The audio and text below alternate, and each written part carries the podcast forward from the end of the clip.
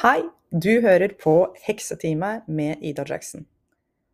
Foredraget du nå skal få høre, er opptak av siste del av skriveverkstedet Sort messe, som jeg holdt høsten 2022. Første halvdel handler om alle de vanligste feilene jeg ser forfatterspirer gjøre når de ber om tilbakemelding på en lang og ambisiøs tekst. Andre halvdel er en detaljert og entusiastisk presentasjon av Studio Jackson sitt betalte skrivekurs Heksesirkel. Heksesirkel åpner for påmelding 31.10. og eh, stenger for påmelding 7.11. Første offisielle kursdag i Heksesirkel er 12.11. Hvis du er interessert i å lese mer om Heksesirkel, anbefaler jeg å høre på denne podkasten i sin helhet. Så kan du sende meg idajackson.no en direktemelding på Instagram eh, eller til vår konto på Facebook, altså til pagen, ikke til profilen min, altså idajackson.no. Du kan også eh, lese all info på sjefsex.no. Nå anbefaler jeg at du eh, lytter godt og tenker på hvilke av disse feilene du har gjort tidligere i din skriveprosess, og hvor deilig det skal være å slippe å gjøre dem heretter. Trine sier 'elsker dette'. Hei og velkommen til siste foredrag i skriveverkstedet Sort messe. Og som alltid så kommer jeg til å begynne med å lage en stor trygg sirkel rundt deg som er live, og deg som hører på i opptak. Velkommen skal du være. Jeg heter Ida Jackson. Jeg sender live fra Studio Jacksons kontorer i Akersveien 21. Jeg er så overveldende takknemlig over de over 1000 menneskene som er påmeldt Sjokkmesse. De over 500 menneskene som har postet tekst i Facebook-gruppen vår gjennom den siste halvannen uken. Og de nå begynner jeg å miste litt oversikt fordi vi har på podkast, men det er i hvert fall over 2000 som har hørt på disse foredragene i podkast. Men hvis du har vært en av de som har vært med på én eller flere av de direktesendte foredragene mens ting skjer, så sender jeg et ekstra stort hjerte til deg. Tusen takk. Tusen takk for din tid, for din energi, for din kreativitet, for ditt bidrag, for din oppmerksomhet, både her på Facebook-gruppa, ute i sosiale medier. Det er så fantastisk, og det er så gøy. Eh, og jeg har fullstendig liksom brutt alle mine egne regler for skjermtid på å lese bidragene deres inne i gruppa. Det er sannheten. Så hver sort messe Linda sier takk til deg som gir oss dette. Det er så gjensidig, Linda. Vi gir det til hverandre. Så Tusen takk, Josefine. You rock back. Jeg kommer til å starte med en liten tarotlesning, som jeg alltid gjør på disse arrangementene. Og da sier jeg altså at jeg skal ha eh, kort som er i alle deltakerne på Sort messes sitt høyeste og beste. Og da skal jeg først ha kortet som er her som din viktigste lærdom på sort messe. Så hva er det sort messe har med som lærdom til deg? Og så ber jeg om det kortet. Og da kommer La meg se. Oh, da, ja, da kommer den der veldig sterkt. Da All right. Så Og det her er fint og dypt. Da kommer syv beger. Og syv beger er kortet for å ha hodet fullt av sydende, boblende ideer. Her ser du noen står foran en masse begre, og her er det drager og gull og grønne skoger, det er eventyrslott, det er troll, det er spøkelser, og det er Er det gift? Er det medisin? Vanskelig å si. Stopper, ikke sant? Og den lærdommen som er her for deg på Sort messe, er at ditt indre idéliv er så stort og rikt. Det er så mange verdener inni deg. Og Samtidig så er syv beger et kort som sier 'slapp av'. du trenger ikke velge mellom alle disse tingene.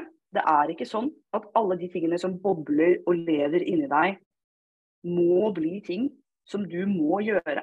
Ikke sant? Det å ha mange ideer og et stort, rikt indre liv betyr ikke at du får en million ganger så lang to do-liste hvor du er nødt til å love på tro og ære og sette alle ut i livet. Du får lov til å leke med ideene dine. Du får lov til å beundre ideene dine. Du får lov til å tulle med andres ideer. Og du må ikke velge én retning nå. Så dette er også kortet for deg som hvis du føler deg overveldet, eller hvis du føler deg kokt i nepa, eller hvis du kommer rett ut av solformørkelsen og du kjenner at jeg har en million typer energi, jeg er nødt til å velge én plan, så sier den her nei. Noen ganger så er vi ikke her for å velge én retning eller én plan. Vi er her for å drømme inn i et stort bilde og nyte det rike, vanvittige drømmelivet vi har til felles. Og så er vi ikke nødt til å velge én lineær produktiv to do-liste ut akkurat nå. Så eh, syv beger er ikke en pustepause så mye som det er en drømmepause. Og en stå rolig i å se liksom holdt på å si nesten sånn Fata Morgana-tingene som vi har til felles. Og så vite at det er trygt å drømme. Du kan ikke slite deg ut på å drømme. Og du må ikke ta ett klart definert valg nå bare fordi du har drømt opp disse tingene. Og drømmene har en verdi i seg selv. Fantasien har en verdi i seg selv.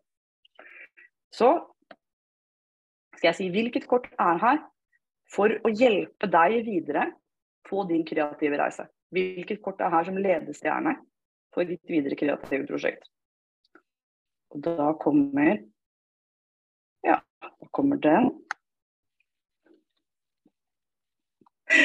Jeg skulle ønske at jeg juksa med tarotkortene. Så jeg kunne liksom komme med sånn Jeg har planlagt den perfekte retoriske tingen, men det har jeg ikke.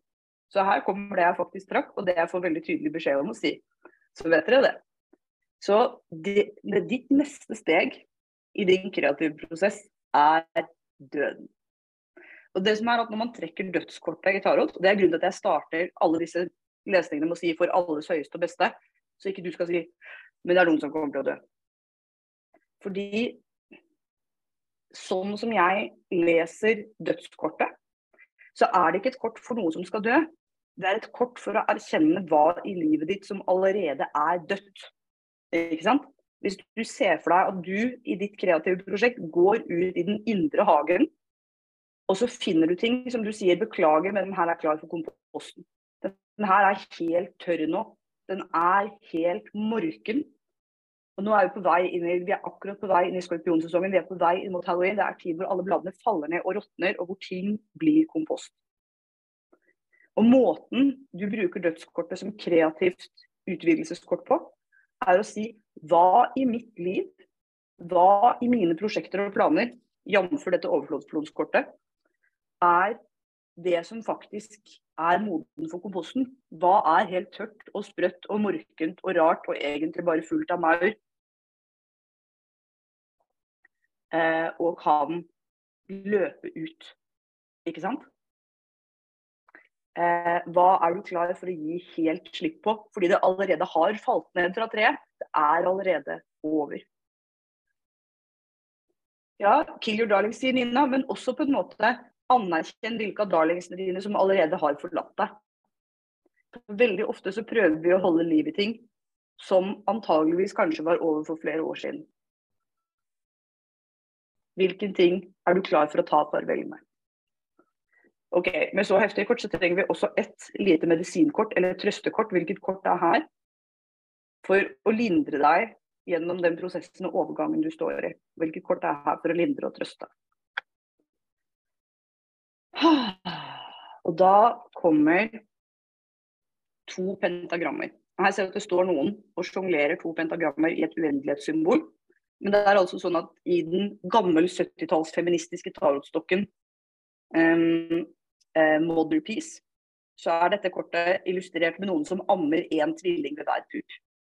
Så eh, jeg liker å trekke fram det som bilde, fordi dette lindringskortet minner deg på at du har hendene fulle. Ikke sant? Når du setter et prosjekt til verden, Og når du skal sette, når du går inn i den kreative prosessen du allerede har åpna, fordi jeg har sett at dere liksom, du har åpna masse i sortmesse allerede, men når du jobber med ditt kreative prosjekt, så er den viktigste lindringen og trøsten du kan ha, er å minne deg selv på at eh, for å skape noe nytt, så krever det full energi og fullt fokus. Eh, og du tar noe fra deg over i det du lager. Og når du gjør det, jf. bildet med hun som ammer to tvillinger, eh, så har, da har du ingen ledige hender. Det kom en ganske sånn sterk ting her om å roe tankene, gi slipp og virkelig liksom prioritere og anerkjenne egen arbeidsbyrde. Det er det som kommer. OK, det er deilig. Vel, men da skal vi også over i det eneste foredraget til eh, messe som jeg har lagd et faktisk foredrag til. Så nå kommer jeg til å begynne å dele skjerm. Og hvis dere tar og skrur på participant screen sharing, du vil se.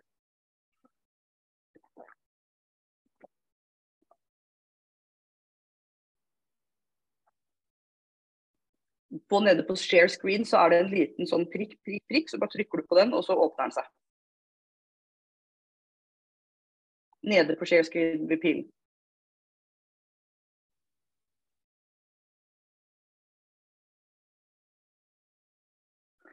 Eh, I hvert fall. Eh, fordi det vi skal snakke om i dag, er altså Nå på Sort messe så har du jobbet med eh, med å skrive brann og skrive fra hele kroppen. Oh yeah. Sånn. OK. Da må dere bare si ifra hvis dere ikke ser. Nå ser dere min vakre Canva. Og der er vi over i presentasjon. Kom igjen. You can present. All right. Rop ut i chatten hvis dere ikke ser så kan jeg jobbe litt med innstillingene. Så sort messe, denne siste delen handler om hvordan få teksten din ut i verden uten å ødelegge skriveprosessen. Hvordan gå fra å skrive kort, inspirert 15 minutter, til å begynne på et lengre prosjekt. Så bare for å gjenta det selv, jeg heter også Ida Jackson. Jeg er daglig leder i Studio Jackson, som holder kurset Heksesirkel. Og Sort messe er en gratis lanseringsversjon av Heksesirkel. Så nå har du på en måte smakt på en skikkelig stor beta heksesirkel i tiden vi er sammen. Eh, så jeg vil bare minne deg på at du er på rett sted hvis du alltid har tenkt du skulle skrive en bok. Hvis du har dårlig selvfølelse rundt skrivingen din. Hvis du har skapertrang, men ikke vet hvor du skal begynne. eller hvis du har min favoritt, en idé til et prosjekt som er så ambisiøst at det skremmer deg, og du ikke vet hvordan du skal angripe det. Det er det samme for meg om du vil skrive sakprosa eller faktabok, roman eller noveller, barnebøker, blogginnlegg, bacheloroppgave, mastergrad, tekst, sangtekster, dramatikk, lyrikk. Hvis du har noe på hjertet, så er du på rett sted. Så kjøreplanen for i kveld er altså velkomst og tarotlesning. Det har vi allerede hatt. Og så skal vi gå gjennom de fem viktigste feilene jeg ser at folk gjør når de skal skrive langt og sende teksten fra seg. Så kommer jeg til å presentere Heksesirkel for deg og fortelle deg hvorfor du burde melde deg på. Og til slutt så trekker vi altså en vinner av gratisklassen på Heksesirkel. Så Studio 16 holder bl.a. da annerledes skrivekurs. Og vi har vært så heldige og privilegerte og vi har fått lov til å hjelpe over 600 fantastiske folk med å skrive sin første eller neste bok gjennom skrivekursene Heksesirkel og Pepperkakehuset. Heksesirkel har fokus på lang tekst. Pepperkakehuset handler om barnebøker. Eh, og I Sort messe så har du lært å skrive der det brenner. Du har lært å bruke hele kroppen og sansene dine i skrivingen. Du har lært om stressresponsene dine, som gir skrivesperre. Du har lært om hvordan det falske skillet mellom kropp og sinn forplanter seg i skrivingen din og gjør det vanskeligere å uttrykke seg. Du har ikke minst skrevet. Kan jeg bare få et ett-tall i chatten hvis du har skrevet mer eh, enn du trodde noensinne? Yes. Fordi Facebook har sydet av de mest fantastiske tekster. Og de mest sprelske og overraskende tekster. Og jeg tror det er mange her som har overrasket seg selv. At det er en, det er en ganske stor del av den kreative prosessen. Den følelsen av å overraske seg selv.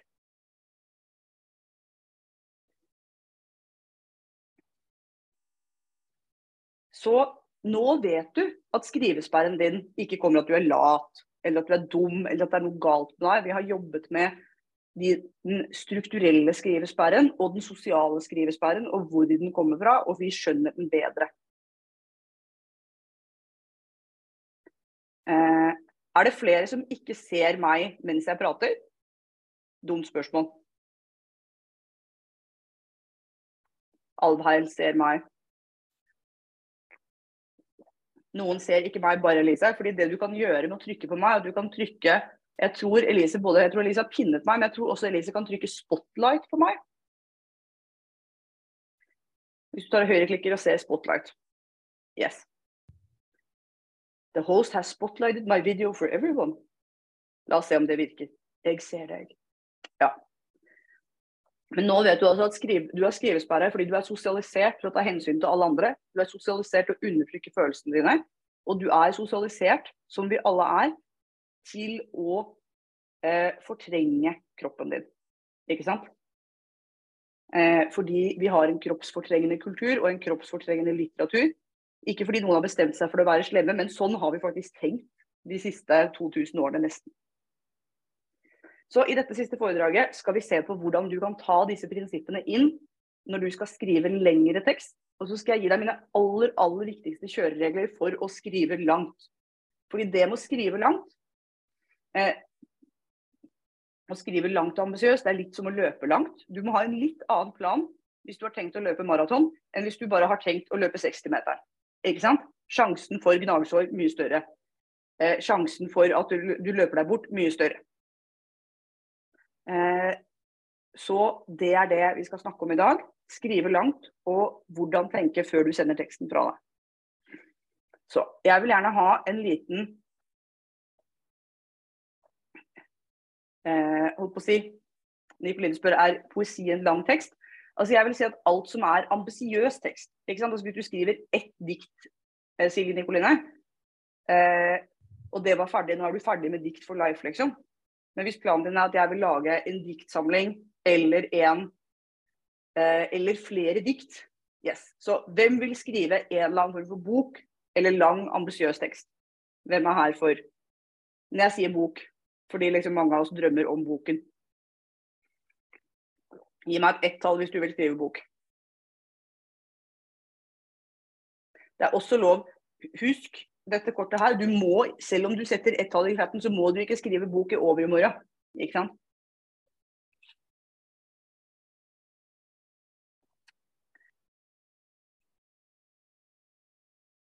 Fordi så Nå kommer jeg til å dele de viktigste feilene jeg ser når folk skriver eller prøver å skrive langtekst.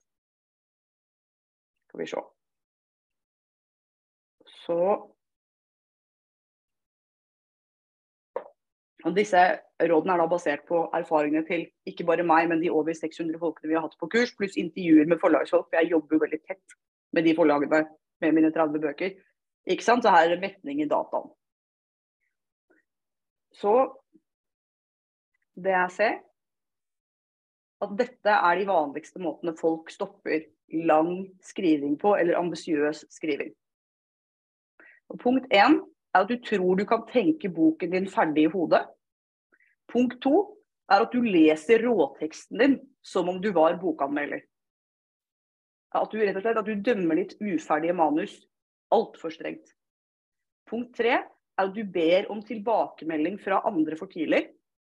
Ikke vise hverandre råtekst og heie som vi har gjort i Sort messe nå, men at du sender et kapittel til din mest kritiske venn og sier hva syns du egentlig? Syns du kanskje det er litt kjedelig? For å sabotere prosessen din. Eh, du, punkt fire er at du tar sorgene på forskudd.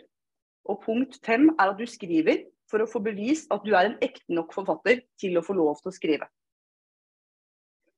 Jeg skal gå i dypet av dette her, men det enkle prinsippet er som følger at å skrive er å tenke, men å tenke er ikke å skrive. Og dette her er en, en snikete en, fordi det kan føles veldig altså Fordi skriving og tenking kan virke så likt, så kan det føles som det er det samme.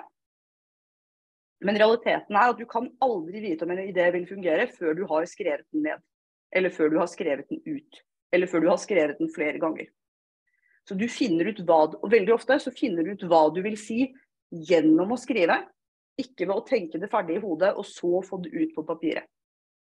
Så jeg pleier å si at De fleste som sier at de har skrivesperre, har ikke egentlig skrivesperre. De har bare tenkt å skrive og aldri gjort det.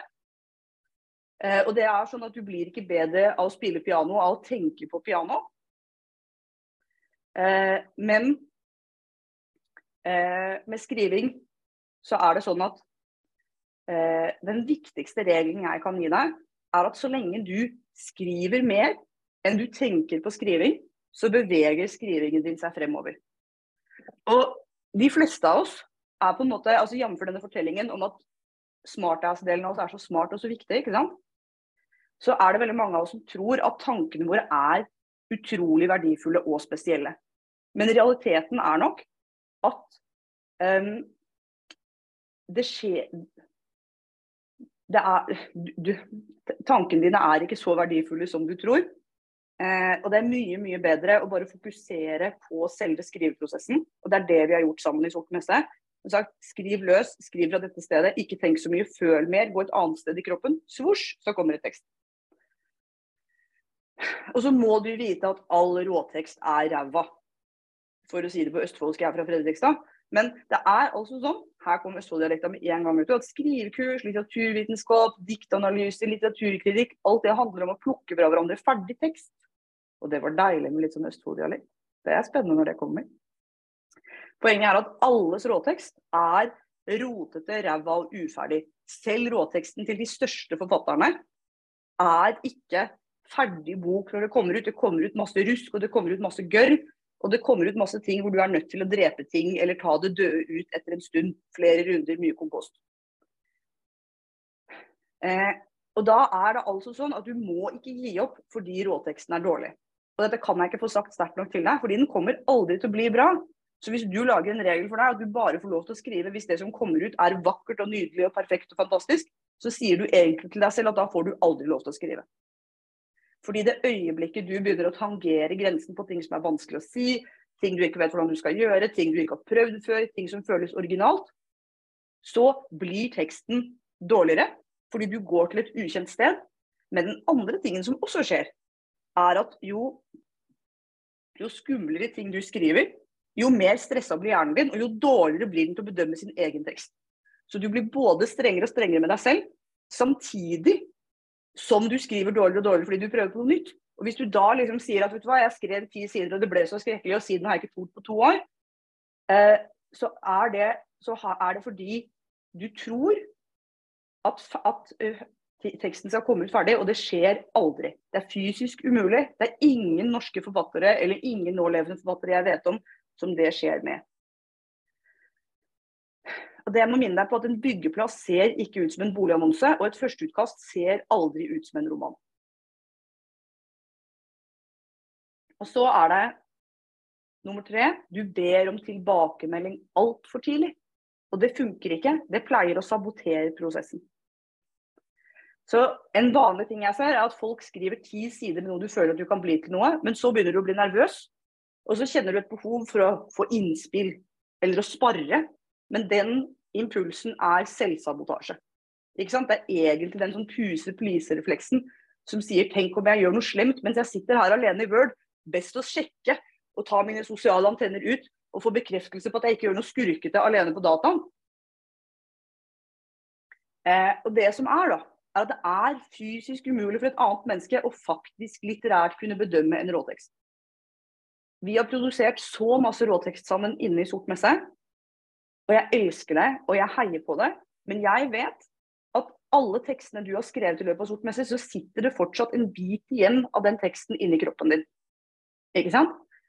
At når du får den ut første gang, så er den på en måte den er litt som en, en helt nyfødt baby. Den er liksom litt deg, litt ikke deg. Ikke sant? Eh, og da er det sånn at på det sånn helt spede spedbarnsstadiet i tekstens liv, så er det ingen som kan komme med en fornuftig tilbakemelding til deg, eller noen som kan 100% bekrefte eller avkrefte om dette kan bli til noe, eller om det er spennende. Ikke sant? Eh, den typen kritisk tilbakemelding er eh, akkurat som å komme med altfor hard behandling på en bitte lita plante. Og det som er, er at det å sende et lite utdrag med helt fersk og ubearbeidet tekst til et forlag, er å be om avvisning. Og det å sende et prøvekapittel til din mest kritiske venn, er bare å selvsabotere sin egen prosess. Um, og dette er en av grunnene til at jeg er litt sånn Jeg skal ikke si at jeg er mot skriveskole og forfatterutdannelse, men jeg husker når jeg satt på Aschehougs sakprosaskole og Aschehougs eh, Aschehougs forfatterskole, jeg har gått på begge, at det var veldig veldig mange flere som gikk der, som fikk seg en hard kritikkstøkk på tilbakemeldingen og ikke torde skrive mer, selv om de var veldig flinke til å skrive. Eh, og så kan du si at liksom, Jan og jeg traff hverandre altså mannen min og jeg traff hverandre på Aschehoug sakprosaskole. Det er mye vi hadde til felles, men en av de tingene vi hadde til felles, er at vi hadde fått veldig mye tilbakemelding før. Eh, og jeg var liksom sånn Ja ja, uenig i hva han sa, men det er jo ikke noe så stygt som noen har sagt til meg på internett, fordi jeg hadde en veldig stor blogg og dermed hadde veldig stor komfortsone. Og Jan var forsker og vant til å få akademisk tilbakemelding. Og hvis det er noen akademikere her, så vet jeg at det er ingen som er så grufulle mot hverandre som akademikere. Det er en grunn til at dette er en ting i Discworld. Så eh, da blir jo ikke spørsmålet på en måte sånn hvem er mest disiplinert, hvem skriver best? Men egentlig hvem er av ulike grunner herdet nok til å håndtere streng skriveskolekritikk? Og det er ikke det at jeg er mot den polishen som må gjøres for at en bok skal bli så bra som du vil. Ikke sant? Den kritikkrunden denne boka her var gjennom for å bli så bra som jeg ville helt i innspurten, var kjempestreng. Men jeg utsatte ikke boka for det før det var 18 gjennomskrivninger. Ikke sant? Før den var eh, så bra som jeg overhodet klarte å få den, og hadde blitt lest av mennesker som kjente meg og heiet på meg og var varme med meg. Og som jeg hadde skrevet den veldig, veldig, veldig mye alene først. Så det er liksom én ting som går igjen når vi snakker om skrivekurs, at folk sier til meg OK, men kan jeg ikke bare få en liten innspill på om jeg går i riktig retning? Og så er jeg sånn OK, men du, du vil ikke egentlig ha innspill på teksten din, du vil ha vite om du er en bra person, liksom. Og det er et behov jeg skjønner, men det er altså egentlig helt umulig. Altså, vi, vi kan ikke liksom for det første så er dere alle sammen verdifulle mennesker uansett om du produserer noe bra kunstnerisk eller ikke. Og for det andre så er det liksom ikke det du får hvis du får et kritisk menneske til å se på teksten din. Og noen av oss er litt avhengig av kritikk også. ikke sant? Vi har en så sterk indre kritiker at vi er litt sånn Ja, men hvis jeg ikke får nok kjeft, så er jeg liksom ikke Da er jeg ikke produktiv og fins ikke. Ikke sant? Eh, her burde noen ha kjefta litt på meg, så jeg kunne vite at jeg var eh, et menneske. Men altså, alt det her er selvsabotasje. Så jeg liker å si at spirer trenger gode vekstforhold og næring, ikke kritikk. Du klipper voksne trær, ikke sarte skudd. Dette bringer oss da over på neste showstopper, som handler om å ta sorgene på forskudd. Da vil jeg introdusere begrepet showstopper-tanker. Fordi, La meg gi deg en liten tidslinje på hvordan livet til din fremtidige tekst kommer til å være. Først så lager du et ræva førsteutkast som ingen ser. Så du, forvandler du det til et greit andreutkast en veldig snill person kan se. Og så kanskje gjør du det til et bedre tredjeutkast en litt mer kritisk person kan se. Og så ender det opp med en ferdig tekst som kan publiseres eller utgis, hvor utrolig mange kritiske mennesker skal komme inn og herje og styre og ordne. Og plutselig er det ikke din tekst lenger. Det er språkvaskerens og setterens og korrekturleserens og konsulentens eh, og manusdesigneren og markedsavdelingens tekst, og alle skal ha en mening. Og det er sånn det blir et åndsverk, og ikke bare noe du har på, på laptopen. Og så skal den ut i verden, og da kan det selvfølgelig være at noen blir sure. Men det som skjer, er at du sitter her, kanskje liksom en tiendedel ut i ræva førsteutkast som ingen ser. Og så tenker du jeg kan ikke skrive videre lenger, fordi jeg må jo være sikker på at ingen blir sure her om tre år. Best å stoppe. Og når de showstoppertankene kommer, så føles de, så, de føles som så gode argumenter og de føles som så logiske. og Det føles som en sånn åpenbar grunn til å gi seg, og så er det aldri det. Eh, Og det som showstopperne er, er at du sitter, og så begynner du å få en frysrespons tidlig i skrivingen. Fordi du begynner å se for deg at du gjør noe sosialt uakseptabelt i teksten din. Og da tar du sorgene på forskudd. Og da begynner du å si Tenk om noen blir sure? Tenk om ingen vil lese dette? Er det noe vits? Er dette bare liksom på en måte banale betraktninger rundt liksom liv og følelser? Og er det egentlig noen liksom Og dessuten er ikke jeg en sånn kjedelig, rik, hvit middelklassekvinne som kanskje ikke burde skrevet litteratur i det hele tatt. Og det er i hvert fall ikke originalt. Og det er jo ikke sikkert at liksom, hvis det først blir utgitt, kanskje det vil få dårlig anmeldelse. Kanskje ingen vil kjøpe det. Kanskje det får ingen anmeldelser i det hele tatt, og ingen legger merke til det, og så var det heller ikke noe vits. Tenk om jeg henger ut eksen min? Tenk om jeg skriver uetisk om selvmord? Tenk om jeg skriver noe feil? Eh, tenk om eh, jeg skriver noe på en måte hvor jeg fornærmer noen? Eller behandler et tema på en dårlig måte? Kanskje jeg virker ableist? Kanskje jeg virker rasistisk? Kanskje jeg virker eh, dum? Eh, tenk om mora mi blir sur? Og så er det sånn at sannheten er at du må skrive frekt, problematisk, politisk ukorrekt, dårlig, uetisk for å få teksten ut av kroppen. Og alle disse tingene kan fikses og redigeres til senere. Og, du, det, er, og, det, er, ikke veldig vanskelig å rette det opp senere heller, fordi du er en lur person med en full kognisjon. Og du har god smak, og du kan snakke med folk, og du kommer til å få til disse tingene. Men du kan ikke løse det når den eneste jobben din er å få teksten ut av kroppen. Og Det betyr at hver eneste gang de showstoppertankene kommer, så må du si 'ikke nå'. Ikke nå. Mamma jobber ikke nå. Så showstoppertankene inneholder bekymringer du kan ta når du nærmer deg utgivelse, ikke når du har ti sider og du aldri har skrevet en bok før. Ikke sant? Du kan ikke gjøre noe galt alene i Word. Den siste tingen handler om at du skriver for å bevise at du får lov til å skrive. Men du har allerede tillatelse. Eh, dette her er litt subtil, men det er altså sånn at eh, Er det noen her som kan kjenne seg igjen? Eh, kan jeg få et ett-tall i chatten hvis du kjenner deg igjen at du må på en måte skrive så godt at du kan få lov til å føle deg som en ekte forfatter, eller at du på en måte skal skrive til en opptaksprøve. Ikke sant? At, det finnes en eller annen Idol-audition inni hodet for å si at nå er Åsne Mia Ida ekte forfattere. Nå har det skjedd. Ja. Og det som er tingen her, er at dette her er en sånn tankeloop vi alle sammen sitter fast i. Ikke sant? Jeg kan fortsatt kjenne jeg, har, ok, jeg kjenner ikke så mye på den lenger, men jeg har kjent mye på den. Den sånn eh, Jeg må prestere for å få lov til å bli den ekte tingen.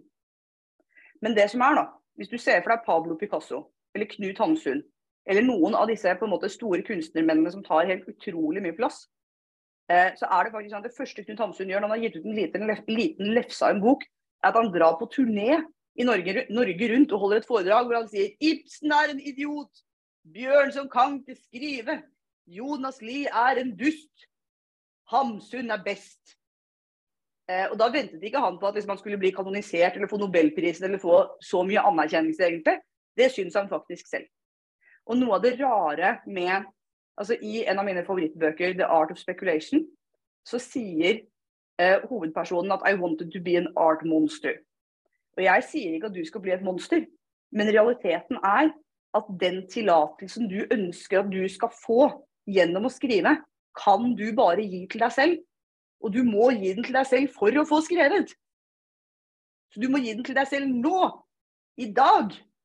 Ikke når du har produsert en bok som får Tarjei Vesaas debutantpris og en anmeldelse i Morgenbladet og alt dette her som du føler at du trenger for å ikke bli en juksepave.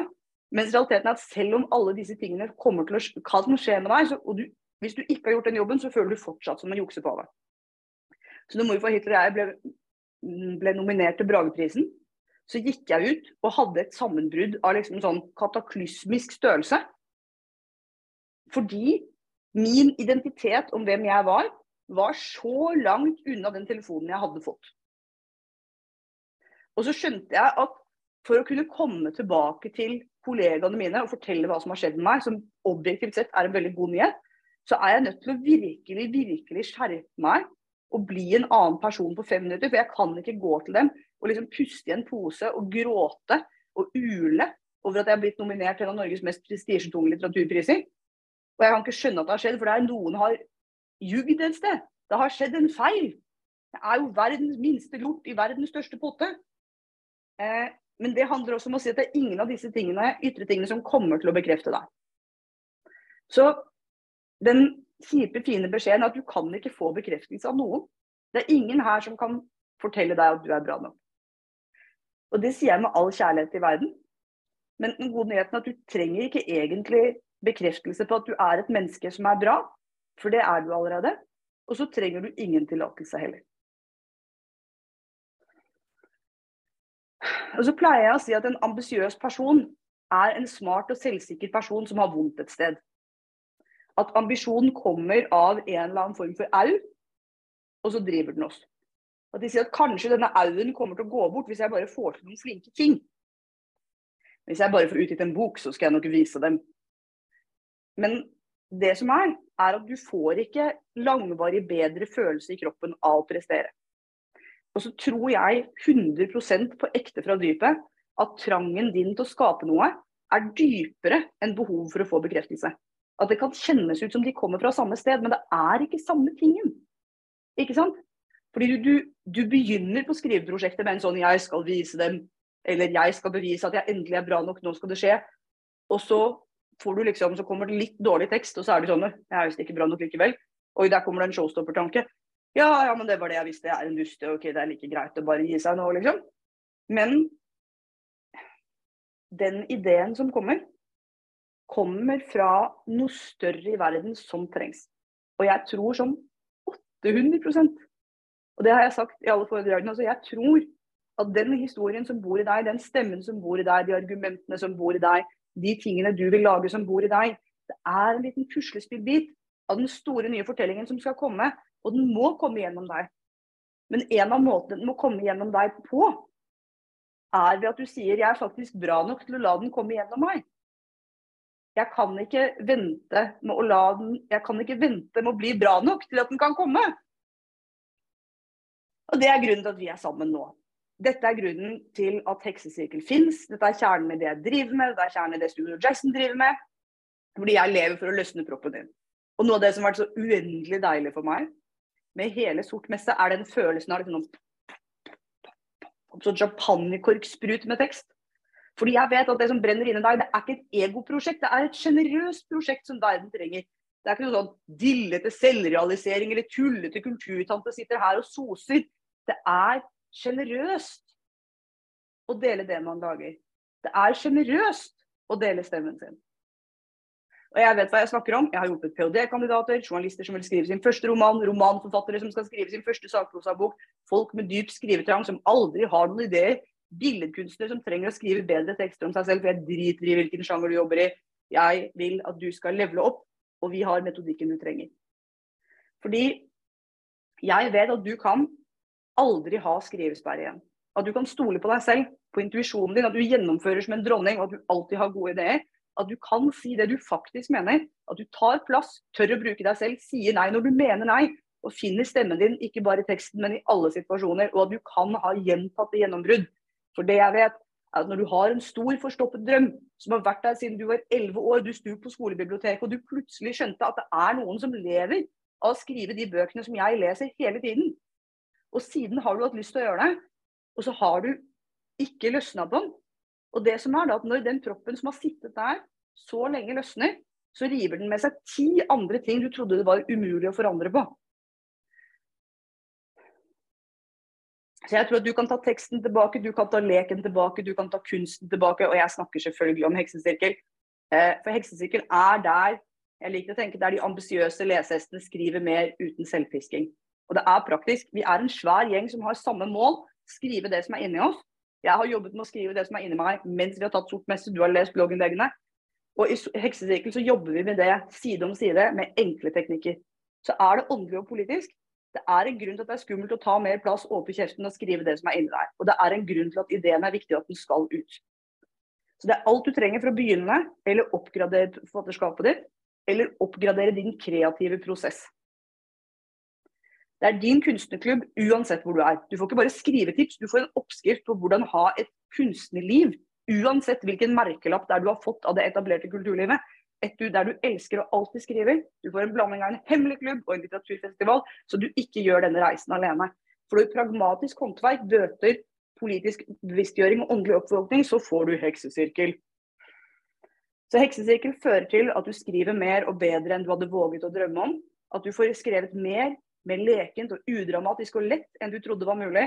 At du gir slipp på ti sperrer du trodde var personligheten din, og slipper inn noe uventet og magisk. Og at du blir både proffere og mer leken. Og at du stoler på deg selv og på kroppen din. Farvel bedragersyndrom. Så Eh, det som er, er at Heksesirkel er et kreativt frigjøringskurs som funker enten du er i innspurten på et langt manus eller aldri har skrevet før. Det er tilpassede tips til der du er i din prosess.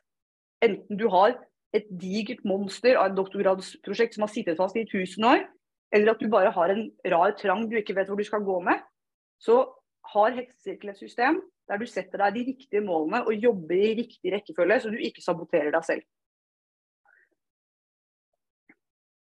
Eh, og her er, så er det også sånn at ryggraden i heksesirkel er de syv tradisjonelle planetene i astrologien. Og Du trenger ikke være astrolog for å henge på heksesirkel. Alle kjenner de syv planetene, for det er mandag, tirsdag, onsdag, torsdag, fredag, lørdag, søndag, fredag, lørdag. Jeg kan ikke telle. Det er de syv dagene i uken. Eh, det er de syv fargene i regnbuen. Og de er det strukturerende elementet i heksesirkel. Så vi starter med at du finner ut hva du vil, med at du blir trygg i kroppen, med at du virkelig får skriveteknikk på plass, med at du skriver der det ljomer, med at du finner ut hva du faktisk liker. Det er veldig vanskelig for mange. Med at du tenker større, og at du så er det på tide å spørre ja, men hvordan skal det bli utgitt. Nei, det var feil slide. Du milde makrell. Du betaler en gang, ja, whatever good, den kommer dit senere. Sånn funker det. For dette er jo fortsatt en ting som fins, ikke bare liksom en stor energi som jeg har med på Zoom. Så Heksesirkel er et ferdiginnspilt kurs med leksjoner på video og lydfiler som du kan se i ditt eget tempo og ta om og om igjen. Og Det syns jeg er helt genialt, fordi halvparten av alle deltakerne på Heksesirkel har ikke egentlig tid til å ta et kurs. Ikke sant? Men fordi vi har laget et kurs som er digitale ting, du kan flette rundt livet ditt, så kan du ta det litt på trilletur og litt mens du vasker, og litt frem og tilbake til jobb og snike det inn, slik at du får brukt storparten av tiden din ikke på å gå på skole, men på faktisk skrevet. Samtidig så vet jeg at det er viktig å henge sammen, så du får inspirasjonsforedrag med meg i hver av alle disse fasene. Og så er det noe med å treffe ekte forfattere, jf. litteraturfestival. Så vi har én gjestelærer i hver fase, og så kjører vi også da live skriveøvelser på Zoom. Det har vi gjort en del eksperimenter med. F.eks. med at du Altså det er litt som vi gjør, har gjort sammen eh, på sort messe nå, bare at vi også da har breakout rooms og leser teksten høyt for hverandre. Ikke sant? Så du skriver, og så går vi i smågrupper på internett, og så får du lest høyt, og så kommer du tilbake igjen. Men vi fortsetter også sort messe skrivefesten vi har startet her på Facebook. Det er bare at vi tar den over i Circle, som er verdens beste nettsamfunn, hvor personvernsvilkårene er litt bedre, så du ikke gir åndsverket ditt til Mark Zuckerberg for all evig tid. Det du også får på Heksesirkel, er at du får en mentorgruppe. Fordi vi har rett og slett håndplukka ti fantastiske mentorer som er kunstneriske, kreative, skrivende folk som har tatt heksesirkel mange ganger. Og så betaler vi dem ekte lønn for at de skal eh, være ansvarlig for små grupper med deltakere på heksesirkel. Så da får du ikke bare liksom et stort nettsamfunn hvor du liksom Altså Jeg tipper at det er noen her som har delt på Facebook Eh, og følt liksom at de på en måte deler i et stort hav. Og så er det litt deilig, og så er det litt som å være på rockekonsert, og så er det litt skummelt.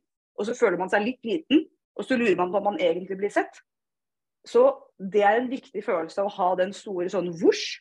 Men så har vi også mentorgruppene, som gjør at du får en liten gjeng med folk du blir ordentlig kjent med. Men Vi også setter sammen sånn ja, litt sånn akademikere med akademikere, og se om vi får liksom litt låtskrivere og poeter i samme gruppe med da mentorer som både har kollokviegruppe hvor man snakker om innholdet, men også at du når som helst, uansett hvor du står fast, kan sende en liten melding på mobilen din og si hei, folkens, nå har jeg kjørt meg fast, jeg trenger en klem.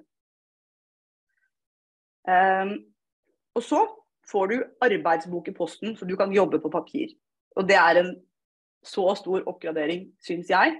Fordi det er et eller annet noe med at liksom, video er deilig, men det er ingen som sier 'å, så digg at jeg fikk en PDF'. PDF er så flott.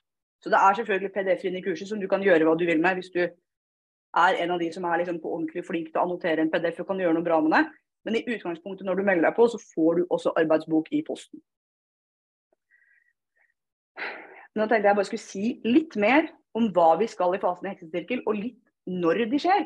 Fordi jeg vet at noen av dere er som meg, mummitroll i Mummidalen med ingen tidsforståelse. Men noen av dere er sånn som sier ja, Ida, flott at vi skal være i øyeblikket. Hvilket øyeblikk har du tenkt? Jeg vil gjerne ha et tidspunkt i kalenderen for når vi skal være i øyeblikket. Var det det øyeblikket på torsdag du hadde tenkt? Eh, og for alle dere har jeg også nå putta datoer bak. Så eh, når du blir med på Heksesekken, eh, så får du den første videoleksjonen begynner du på med en gang. For den handler om å stille inn hodet riktig for å få mest mulig ut av investeringen og bli kjent med mentorgruppa Nettsamfunnet. Men solfasen, som er den fasen som begynner 12.11, så setter vi oss skrivemål for tekst du skal jobbe med hele kursperioden. Og det her er veldig viktig, fordi heksesirkel er en reise. Ikke sant? Med verktøy. Altså, jeg vet at det å skrive sitt første eller neste ambisiøse førsteutkast tar deg egentlig på et eget eventyr i deg selv, hvor du møter mange typer motstand. Og sånn som heksesirkel funker, så er det på en måte to spor. Og det ene sporet, det er litt det du har jobbet med i sort meste, bare litt utvidet. Ikke sant? Jeg har gitt deg oppgaver om å skrive 15 minutter hver dag fra et sted i kroppen din. Og du er sånn ja OK, litt rart, men det kommer jeg til å få til. Jeg har jo alltids et kvarter. Og hvis jeg bare skal skrive dårlig og liksom rett ut her, da kommer det jo noe. Eh, så hvis du da tenker at du utvider det i heksesirkelperioden og sier OK, 20 minutter da, om dagen på den boka jeg har utsatt i 15 år. Hvor vanskelig kan det være? Jeg setter på timeren. Here we go. Og så finner du et fast tidspunkt hvor du faktisk skriver de 20 minuttene. Og I prinsippet så kunne vi sagt at ja, det er hele kurset. Her er en oppskrift. Keep writing. Men det som skjer, ikke sant, jf. showstoppertankene, jf. sperrene som kommer, jf. alle tingene, er at mengden indre drama som prøver å forhindre deg fra å gjøre de 20 minuttene om dagen, er veldig stort og sterkt. Så det er derfor Heksesirkel egentlig er et gjennomføringskurs. Fordi de syv fasene handler om at du går som en syvmaskin og skriver det bitte lille prosjektet ditt, som plutselig blir langt av en bok, for det er det som kommer til å skje. Hvis du skriver én side hver dag, så blir det bok til slutt. Ofte før du tror. Tiden føles.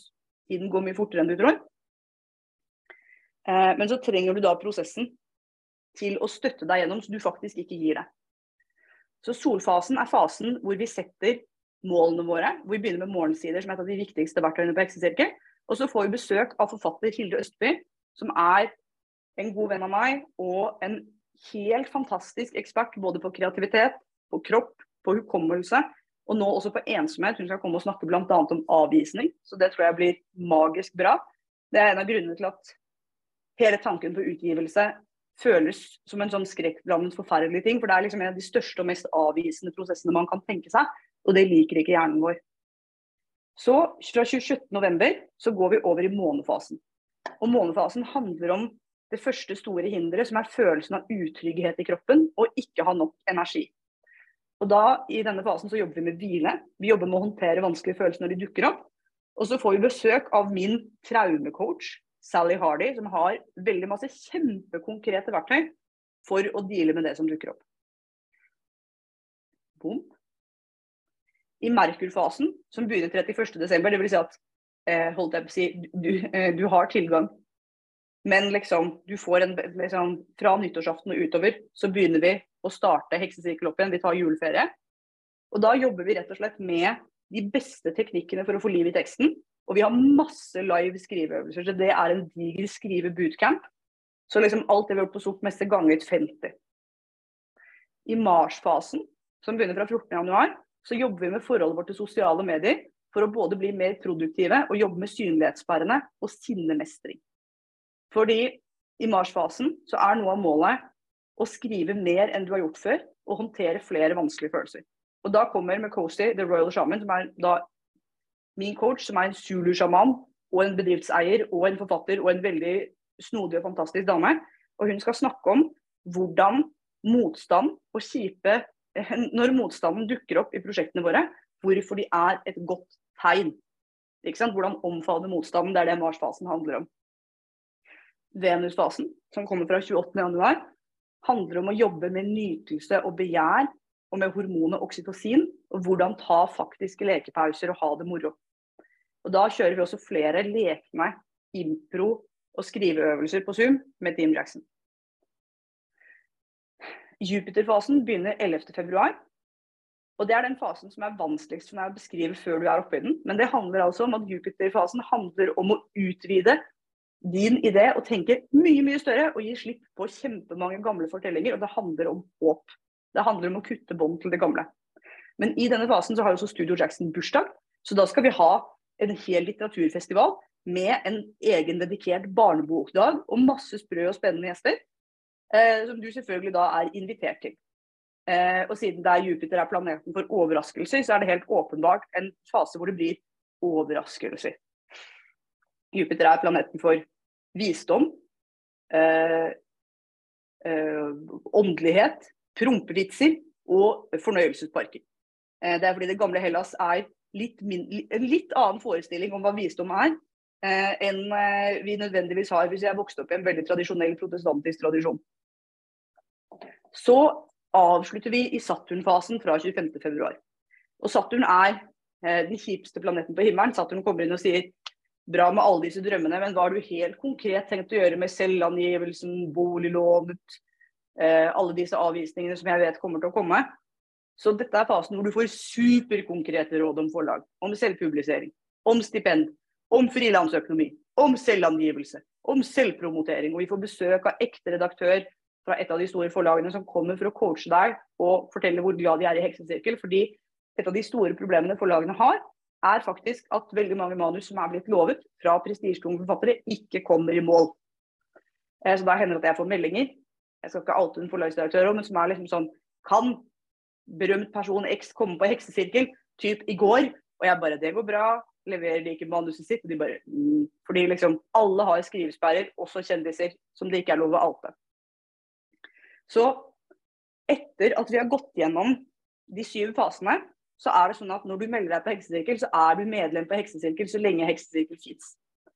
Og da er det sånn at eh, etter at vi har hatt den strukturerte gjennomgangen, så har vi heksesirkel off-season. For hva skjer når heksesirkel er slutt? En ting er at du har tilgang på innholdet og kan faktisk ta ting i ditt tempo. Du har tilgang på nettsamfunnet. Men da kjører vi også artige workshoper og månedlig spørretimer med meg frem til det blir en ny gjennomgang til høsten. Så, sånn som dette funker, for dette er jo et produkt, ikke sant? er at vi har to varianter av produktet. Vi har én liksom, betal én gang for kurs og nettsamfunn, live foredrag, gjestelære, skriveøvelser, arbeidsbok i posten, mentorgruppe fra november til mars, fast tilgang på resten. Og Det koster i underkant av 20 000 kroner. Men du kan også oppgradere med en VIP-pakke, hvor du får alt det her, pluss én human design og fødselshoroskoplesning fra meg, og en samtale med meg om din personlige kreative prosess. Den siste er ganske sånn plastbegrensa, så det er liksom fordi det er begrensa hvor mange jeg faktisk kan lese for å snakke med. Men tinget er det at jeg har konstruert heksesirkel på en sånn måte at det skal funke best mulig for flest mulig. Men selv om vi alle sammen er veldig like, så er vi også overraskende forskjellige. Og noe av det som handler om å knekke heksesirkelkoden, er å finne din kreative prosess så er det sånn at satt på spissen, hvis du enten hvis du er veldig interessert i altså liksom Grunnen til at jeg bruker human design og fødselshoroskop, handler om at da har jeg muligheten til å komme med noen personaliserte anbefalinger for deg. Og så kan jeg si vet du hva, jeg ville prøvd å angripe det på denne måten. Her er ditt kreative blueprint. Så hvis du er nysgjerrig på hvordan jeg jobber med det, så finnes det altså da en live-video om human design og en live-video om astrologi i eh, Sort messe-gruppa, som du kan gå og se. Og så kan du se hva jeg har kommentert til de som har delt i tråden under. Disse tingene kan selvfølgelig også tas på tolv måneder nedbetaling. Enten til 180 kroner i måneden eller til 260 kroner i måneden. Litt avhengig av ikke avhengig av, men liksom avhengig av hvilken ting du kjøper. Men når du kjøper Hexedekkel, så får du ikke bare dette, du får også bonuser. Og bonusen er at du får tilgang på Pepperkakehuset, som er mitt populære barnebokkurs, der du lærer å skrive en barnebok med utgangspunkt i teknikken jeg utviklet til Brillebjørn-bøkene. Og Pepperkakehuset er designet for at du skal kunne skrive en bok selv om du har huset fullt av småbarn og absolutt ingen tid, for dette er en veldig veldig praktisk teknikk der du kan inkludere barna i ditt liv i skriveprosessen. Så får du tilgang på tarotkurset mitt, som ikke handler om hvordan spå i fremtiden, men hvordan lese for her og nå. Kurset inneholder bl.a. fargeleggingsark for tarotkort laget av illustratør Frøydis Solli Simonsen. Og det har veldig høy visuell kvalitet. Det er et veldig morsomt kurs. Men du får da også en masterclass-pakke, hvor du får Studio Jackson sin samlede masterclasser med pengetimen, som endrer forholdet ditt til penger, en introduksjon til astrologi, hvordan skrive stipendsøknad, hvordan skrive en god tekst om deg selv, og så får du også en ny av året Human Design Masterclass. Så du betaler ingenting ekstra for bonusene, og du får det når du melder deg på. Eh, du får også en arbeidsbok i posten og mentorgruppe fra 12.11. til 10.3 som gir deg støtte og råd gjennom heksesirkel. Så det er sånn at vi har så mye fornøyde deltakere på heksesirkel. Her er noen av mine personlige favoritter. Eh, Frida Felicia Vennerud Disen, som jeg liker å tenke på som forsker, forfatter og Instagram-stjerne. Jeg har en av bøkene hennes her med dedikasjon hvor det sto 'Tusen, tusen takk for at du hjalp meg å skrive personlig og fargerikt eh, om det som var forskningen min'. Og Hun er blitt en av bare de sånn mest formidable forskningsformidlerne på norsk, og jeg heier veldig på Frida. Anbefaler å gå og følge. Eh, Katrin Duart fikk stipend etter kurset, eh, og har gått fra å være jeg skal ikke kalle det en sjenert forsker, men noen som er virkelig blitt en stor miljøinfluenser som spiller inn kjempemorsomme videoer og virkelig får Hun er da altså eh, liksom forsker med spesialist, i miljøjournalistikk, og det driver hun og får ut i verden. Så har vi også da Her er et par av mentorene våre eh, som er håndplukka inn. Det her er Mette Frydenberg Reinertsen, som sier heksesirkel har forandret perspektivet mitt. Heksesirkel har lært meg at jeg er ikke lat, og at jeg er ikke snill. Og dette er et av mine favorittsitater. Fordi Eh, Heksesirkel er ikke et veldig snilt kurs, vi er et godt kurs. Eh, men eh, som jeg vil si at det er liksom ikke viktigste heksemotto, at det er stor forskjell på å være snill og det å være god. Eh, og Mette er veldig, veldig god. Eh, Mette jobber med en helt sånn amazeballs litterær selvbiografi om en ryggmargskade. Og hvis du er en av dem som tenker jeg vil gjerne være med på heksesirkel, jeg har veldig lyst til å skrive, men jeg har liksom en så spesiell historie med rare ting at jeg er liksom usikker på om noen mennesker kan relatere til meg. Jo, du kommer til å relatere deg til Mette Frydenberg Reinertsen. Jeg lover deg. Eh, så er det Pål. Pål Olsen, også mentor på heksesirkel, sier morgensider. Den rutinen har vært hvert kurs av virksomhet alene. Jeg startet dagen med dusj, kaffe, morgensider. Det har vært noe av det mest klargjørende helsebringende jeg har gjort på gudene vet hvor lenge. Pål er psykolog, men han er også i sin periode på heksesirkel over flere år blitt, en, en, altså blitt ikke bare en billedkunstner, men et Instagram-fenomen med følgere over hele verden. Så jeg anbefaler alle å gå og følge Pouring Paul. Eh, men det er også sånn for å si at han er også da en av mentorene som skal ha en mentorgruppe.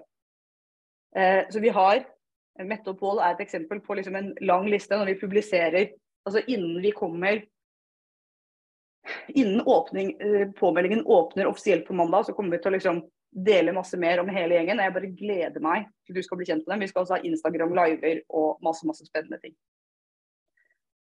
Men de viktigste tilbakemeldingene vi har fått på Heksesirkel, lyder egentlig alltid sånn. 50 000 ord, jeg kan ikke fatte det. Jeg har blitt flinkere til å si nei, nei, elsker å si nei. Jeg har skrevet ferdig et romanutkast og sendt det til forlaget. Det hadde aldri gått så fort uten heksesirkel.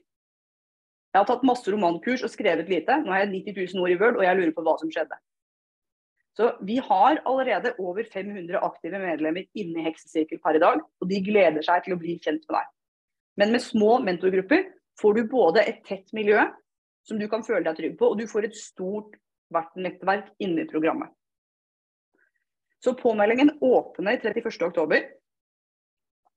Eh, du kan bestille faktura i dag og gjennom uken. Og Grunnen til at vi åpner på fakturabestilling før, er at eh, vi vet at hvis du skal spørre arbeidsgiver eller eh, veileder, eller du, liksom, den du har firma med, eller regnskapsføreren din, om du kan ta heksesirkel enten på jobb eller på firma, så trenger du ofte litt lengre tid på det hvis du bare bestemmer deg for å kjøpe heksesirkel på, med bankkortet ditt.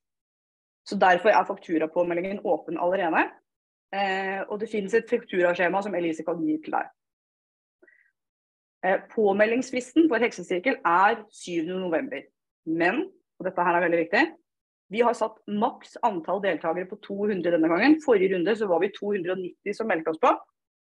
Og Eh, selv om vi nå er, nå er vi 121 på, men det er altså over 1200 som er påmeldt og følger med på disse foredragene på opptak etterpå. Så jeg sier ikke dette for å stresse deg, men jeg sier for at, være, at grunnen til at vi har satt en plassbegrensning, er for å være sikker på at vi har nok mentorer, og at de mentorene får fulgt opp deltakerne sine skikkelig. Så siden vi har booka mentorer på forhånd, så kan vi ikke putte inn flere folk. Og Det betyr at hvis vi får 200 deltakere før den 7. november, så stenger vi påmeldingen før. Da kan det være lurt. Og der, og der, så derfor, liksom, sånn, Selv om siste frist er 7. november, så kan det være den fristen kommer før hvis vi når maksgrensa vår før det. Så eh, jeg øver meg på å si en blanding av ikke stress, men heller ikke vent til siste sekund. Eh, så det kan lønne seg å melde seg på tidlig. Eh, og så er det sånn at Med de VIP-plassene med lesninger og samtaler med meg, så er det mye færre plasser. Så der kan det bli fullt fort. Så hvis du vil det, så er det lurt å hoppe inn med en gang.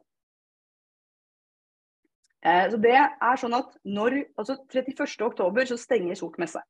Hvis du er klar for å fortsette Sort messe, så er heksesirkel eh, den beste måten å fortsette det på. Eh, men heksesirkel er ikke for alle. Heksesirkel er ikke for deg som vil ha et kurs hvor du får en oppskrift på hvordan strukturere manus eller skrive en roman på en bestemt måte. Heksesirkel er sjangeruavhengig. Heksesirkel er ikke for deg som vil ha et skrivekurs som bare handler om skriving. Vi har musikere, malere, dansere og internett-urokråker, i tillegg til akademikere og etablerte forfattere. Eh, og det er heller ikke for deg som ha undervisningen din fri for politikk, åndelighet, kroppsvæsker eller strenge beskjeder, for jeg er ganske streng. Men heksesirkel er perfekt for deg som alltid har visst at du skulle skrive en bok, men nå er du plutselig en middelaldrende mamma med dårlig tid og er redd for at det aldri kommer til å skje. Heksesirkel er perfekt for deg som har skrivekløe, men ikke vet hva det skal bli. Og heksesirkel er perfekt for deg som har et stort prosjekt som en rapport eller en doktorgrad, mastergrad eller fagbok som du utsetter og utsetter, og så skjønner du ikke hvorfor. Og det er ikke minst perfekt for deg som allerede skriver, men vil gå dypere og mer ambisiøst ned i metoden. Heksesirkel er også perfekt for deg som savner et kunstnerisk fellesskap, som er støttende og smart, som savner kulturarrangementer du kan ta med deg på trilletur eller, eller ligge i senga og høre på mens du har en dårlig dag. Og for deg som vil kombinere det faglige og ambisiøse med det åndelige og ekspansive, og som vil ta kreativiteten din på alvor. Det er perfekt for deg som vil stole mer på deg selv, og som vil bli tryggere når du gjør skumle ting. Så jeg vet at det er spørsmål, så jeg tenkte jeg skulle ta de nå. Eh, men eh, jeg vet at det er et par som alltid kommer, som jeg kommer til å ta først. Og Det første spørsmålet er eh, Jeg vet du sier at det er for alle som har en vag idé og har lyst til det, men jeg føler meg som en sånn person som ikke er bra nok. jeg er ikke en ordentlig forfatter, og jeg har ikke skrevet noe siden ungdomsskolen. Og dessuten så er jeg ikke sikker på hva jeg skulle skrevet i det hele tatt. Jeg har bare lyst. Vil du fortsatt ha meg med? Og her er tingen. Eh, jeg, heksesirkel, handler så mye mer om at du skal ta på alvor dine instinkter og dine drifter og forfølge din nysgjerrighet. Så hvis du er nysgjerrig på dette, og hvis du er trukket mot dette, så er du uendelig velkommen. Vi ser ikke, ikke egentlig etter en kvalifikasjon. Skal vi se. Og den andre tingen som jeg vet at dukker opp, er Ida, jeg har veldig lyst, men det passer ikke sånn superbra nå. Når kommer det igjen? Og Da skal jeg svare kjempekonkret på det. Vi har planlagt neste heksesirkel eh, sommeren, eller ikke sommeren, men altså at vi åpner eh, sånn medio august-september 2023. Så altså Neste mulighet til å bli med på dette blir august-september 2023. Det er ikke sikkert at vi kommer til å ha mentorgrupper eller muligheten for å kjøpe astrolesning neste gang. Eh, men heksesirkel som fenomen og konsept. Eh, overgangen august-september 2023. Så vet du det.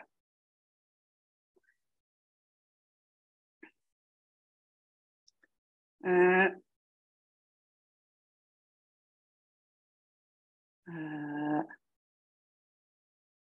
mm. Skal vi se, Alle som har spørsmål, alle som er tidligere deltakere på Heksesirkel og har spørsmål, kan sende sine spørsmål til Elise eller kundeservice.studiojackson.no. Uh, eh, I utgangspunktet så er det sånn at alle, som, alle tidligere deltakere på Heksesirkel har mulighet til å bli med på en mentorgruppe og mulighet til å være med på det samme opplegget. Skal vi se, jeg tror skal vi bare. Jesus, vi skal snart trekke en premie. Men jeg tenkte så skal jeg bare se i chatten. Eh, klokkeslett, som, det, klokkeslett påmeldingen åpner 31.10. Altså, det er jeg ikke helt sikker på. Vår eh,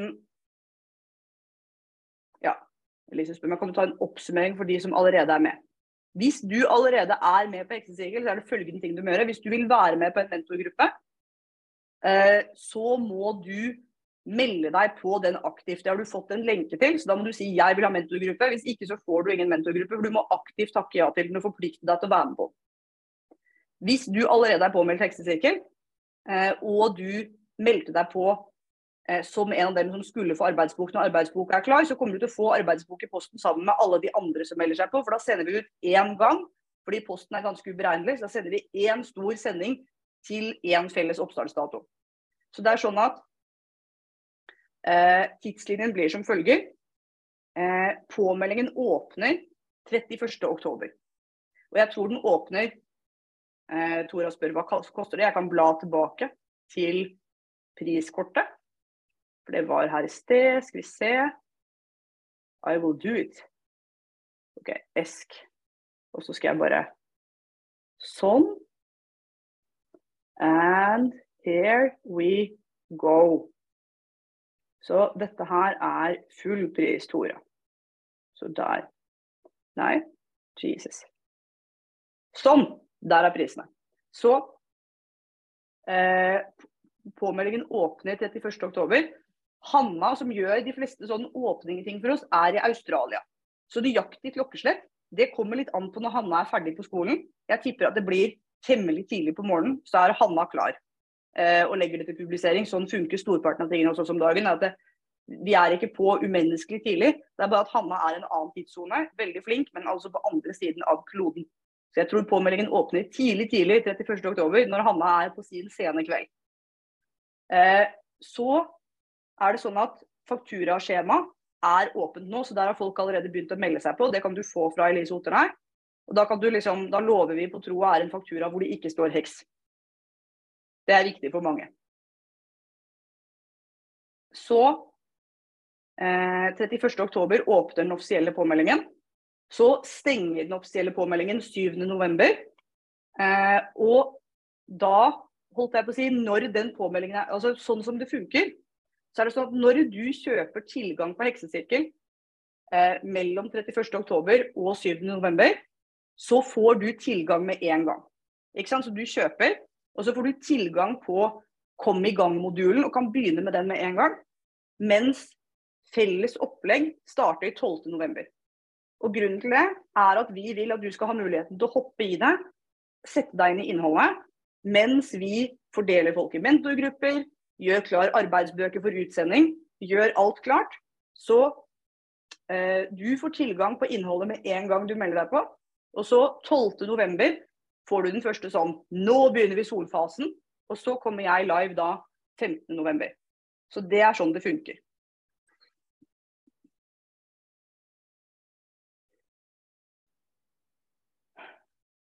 Eh, og alle som har følt at de har fall, er fra før, men har følt at de har falt av heksesirkel forrige runde, er selvfølgelig med. Eh, og Det er derfor vi også har liksom sånn heksesirkel back to school vi kjører nå, så alle skal være varme og på gira. Så liksom bare å hoppe inn. Mm.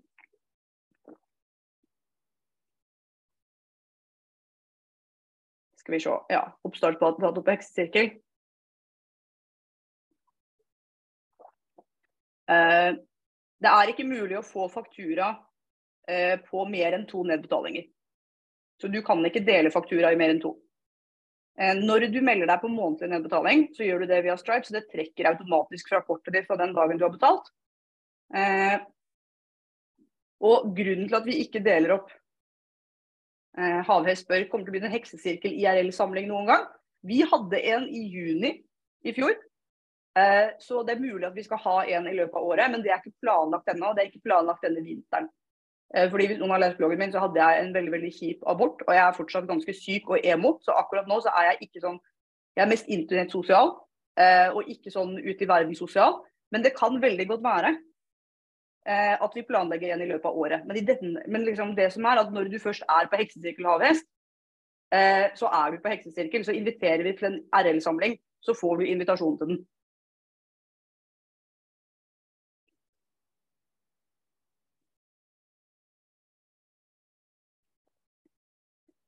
Men altså faktura kan du ikke dele opp. Eh, når du tar ned betalingsplan, så tar du det på Stripe. Eh, og da trekker det fra det tidspunktet du kjøper på kortet ditt på den datoen, 1800 eller 2006. Og grunnen til at vi tar det på Stripe, handler om at det er veldig mye admin-kostnader med å huske å sende jevnlige fakturaer på såpass små beløp.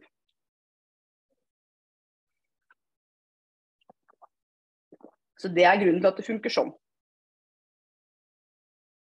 Så på faktura så finnes det mulighet til å dele de to. Tror jeg. Med fare for at jeg ikke sier noe feil. Jeg har ikke sett fakturaskjema siden Elise gjorde noen endringer. Ikke denne Elise, men regnskaps-Elise. Vi har to Elise. Elise dobbel. Men altså, oppstartsdatoen er holdt på å si, løpende fra 31. Eh, fordi du får tilgang med en gang du melder deg på. Da kan du bare begynne å se en stor del med innhold, så får du tilgang til Circle. Så, men innen 12. nei, oktober, innen 12. november, eh, den måneden som kommer etter oktober, så får du altså da mentorgruppe, eh, felles opplegg starter, og så første direktsending. Så når du, når, da får du også på en måte en heksesirkelkalender med alle eventene inni. Eh, og det driver også gjør klar nå som en del av salgsmateriellet. Så er det sånn at i utgangspunktet så er alle foredragene med meg scheduled til tirsdag kvelder fra 8 til 10. Gjesteforeleserne varierer bitte, bitte lite grann i lengde i, i tidspunkt, fordi noen av dem er i Uniten. og Da må vi ta litt hensyn til deres tidssone når vi booker. Men i utgangspunktet så er det sånn at mentorgruppene møtes på det tidspunktet som mentorgruppa finner ut blir best. Så Da har du muligheten til å være med å påvirke hvilket tidspunkt din kollokviegruppe skal møtes, og hva som har vært best for deg.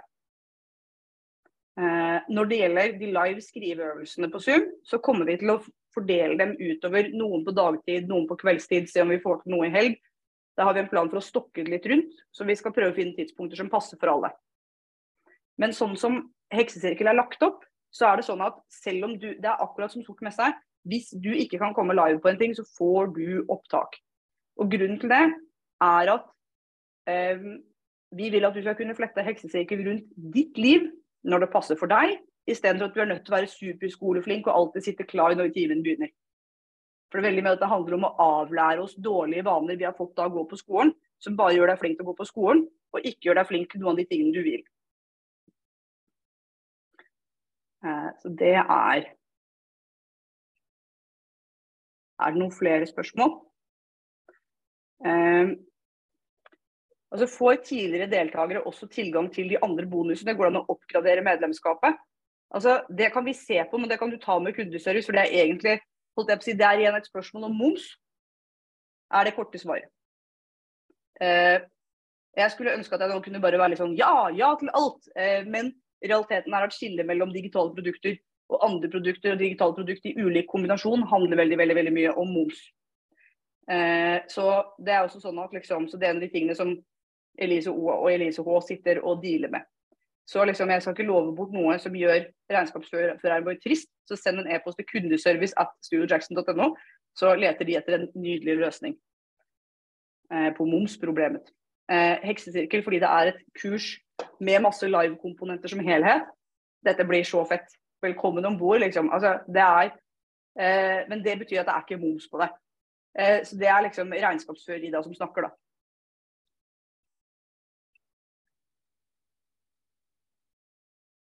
All right. Da, Elise, lurer jeg på eh, Jo, jeg driver og tenker på om det var én ting til jeg skulle si. Nå prøver jeg å huske hva det var av de vanlige spørsmålene som går igjen. Jo. Jeg skal si noen råd om å ta avgjørelser rundt å bruke penger. For det er sånn at Hvis du kjenner inni deg at du har veldig lyst til å melde deg på heksesirkel, så er det en grunn til nå at vi venter til 31.10 med å åpne salget. Og det er fordi jeg vil at du skal ta tiden din med denne avgjørelsen, og så la den lande rolig. Og det er fordi Eh, jeg er en veldig entusiastisk og emosjonell person. Og jeg har mange folk i livet mitt eh, som man kan kalle mange ting. Noen vil kanskje kalle dem bipolar type 1. Andre vil kalle dem bare veldig veldig entusiastiske av og til. Eh, men som liksom da har kommet i skade for å kjøpe en kafé de ikke hadde lyst til å drive, i et øyeblikk de var veldig inspirert. Ikke sant? Og Jeg sier ikke at det er deg, men en av grunnene til at jeg nå selger dette her så entusiastisk jeg kan, og så sier jeg at du må beklageligvis vente til mandag, er at du skal få lov til å la denne avgjørelsen komme fra hele deg. Ikke sant? At jeg vil at du skal, hvis du bestemmer deg for å melde deg på, og bestemmer deg for å bruke penger på dette, så vil jeg at du skal gå inn i dette med en sånn Jeg er min egen voksne kunstner. Jeg bruker pengene mine på det jeg vil. Jeg er ansvarlig for mine egne handlinger. Du får lov til å synes det er skummelt å si jeg skal bruke penger på den tingen jeg vil mest, istedenfor bare på ting jeg syns jeg burde ha, eller ting noen har sagt om at jeg burde gjøre. Men jeg vil ikke at du skal kjøpe fordi du tenker hvis jeg ikke kjøper nå, så har jeg aldri en mulighet igjen. Eller jeg er nødt til å kjøpe nå så jeg får en eller annen spesiell presang. Eller jeg er nødt til å kjøpe nå fordi liksom Fordi jeg syns Ida sa på video at hun skal komme hjem til meg, og så skal vi ri sammen på en enhjørning og bli bestevenner. Og så kommer du til å bli dritskuffa, for det er ingen enhjørning. Du bare var veldig høy på å være på Zoom med meg akkurat da. Eh, og alt det her sier jeg med all verdens liksom, kjærlighet om disse tingene. Så jeg vil at du skal ta den best mulige avgjørelsen du kan. Så noe av det som kommer til å skje eh, i den siste delen av Sort messe som vi har sammen nå, at jeg kommer til å rett og slett lage en liten video bl.a. om ulike teknikker for å ta avgjørelser, inkludert hvordan bruke human design for å ta gode avgjørelser i ditt liv. Ikke at du liksom Men altså det er fordi at liksom når vi snakker om magefølelsen vår, så kjenner folk den på veldig mange forskjellige steder i kroppen. Jeg har en veldig emosjonell magefølelse med store følelser. Eh, det finnes folk som har veldig, veldig et behov for å snakke med noen andre. Eller folk som har en magefølelse som er nesten en sånn en nesten munnfølelse, hvor du bare syns den smakte litt vondt, tror ikke jeg vil det, smaker vondt. Ikke for meg. Ikke sant? Så din jobb med dette er å ta denne avgjørelsen med hele deg og kjenne liksom Nei, jeg skal ikke være med med hele meg. Ja, jeg skal være med med hele meg. Og så har du tid til det frem til den 31. Uh, det betyr også at Team Jackson er her for deg. Vi er i Facebook-gruppa, vi er på Messenger, vi er på uh, Instagram DM, vi er på kundeservice av studiojackson.no. Og vi er klare for å svare på absolutt alle spørsmål når enn det skulle måtte komme. Men jeg vet at de spørsmålene som oftest går igjen, er har jeg egentlig tid, eller kommer det egentlig til å virke for meg, eller får jeg egentlig lov? Og realiteten er at det tar tid å skrive en bok. Ikke supermye, men du kommer til å måtte rydde den tiden. Og det er noe av det vi snakker mye om i Heksesirkel. Men eh, på en måte så vil jeg si at alle alltid har tid de kan ta av. Men hvis du er midt mellom å pusse opp et digert hus, og mora di driver og dør, og du akkurat har fått tre babyer, så kan det være du skal vente til høsten. Ikke sant? Du er et voksent menneske. Eh, og den andre biten med Men kommer det til å virke for meg? Er, så er svaret ja, hvis du virker. Ikke sant? Hvis du melder deg på, og så aldri åpner videofilene og sier det var det jeg visste. Nok et skrivekurs hvor jeg har kastet bort penger og er en dust. Så har du egentlig bare liksom selvbekreftet liksom, følelsen av å være en dust. Så dette er holdt på å si, It works if you do. Og vi skal gjøre vårt absolutt ytterste for å lage liksom maks energi og ting, men du er nødt til å gå inn i det med, en, med et eget bidrag og en egen innsats.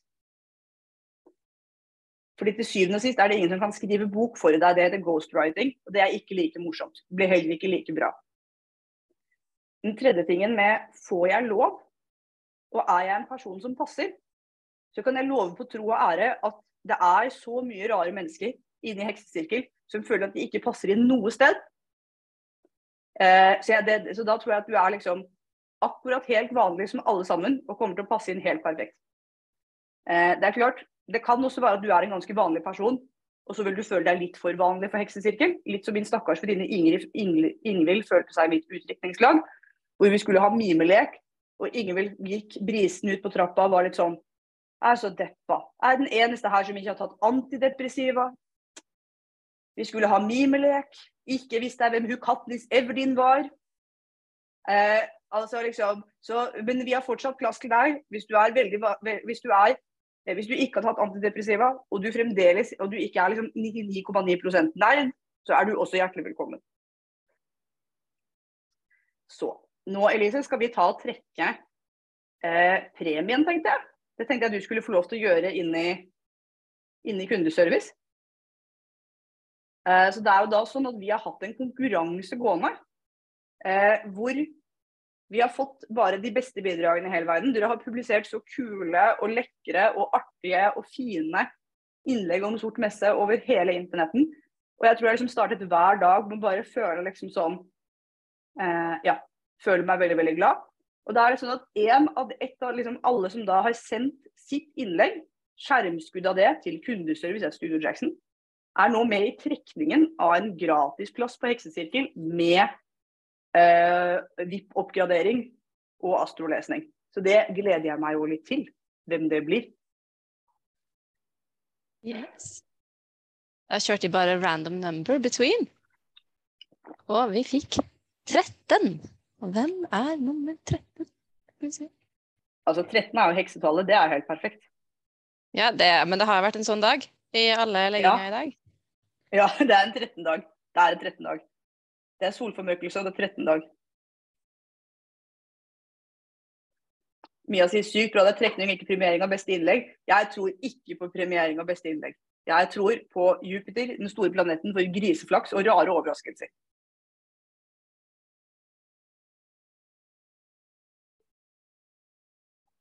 Skal vi se N sier Eh, June. June! Hva heter, det, Ja, hva heter June? det June? Myrenge Fossbakk. Og du verden å vinne to ganger på en uke. June Myrenge Fos- Fossbakk? Wow. Var hun vunnet før denne uka? Eller de? Jeg vet ikke. Eh, Hen? nei, eh, På mitt favorittpizzasted i Berkeley så står det et skilt hvor det står We will use them they pronouns until you disclose your preferred gender. Ja, nei, men uh, Yumify. June. Eh, Velkommen! Universe Art. Er du her? Er det Universe Art? Er Juni her? June Ok, jeg vet ikke om June er på, men da våkner June til en overraskelse i morgen. Da kan vi sende eh, Da kan du sende meg 'Gratulerer, du vant, June'. Jeg skal gjøre det med en gang. Vet du hva, Det syns jeg faktisk er kjempegøy. Ok, Jeg er bare sånn jeg blir sånn You got the car, you got the car, you got the car. Du kan ikke kjøre Vi kan, vi kan ikke alle. det.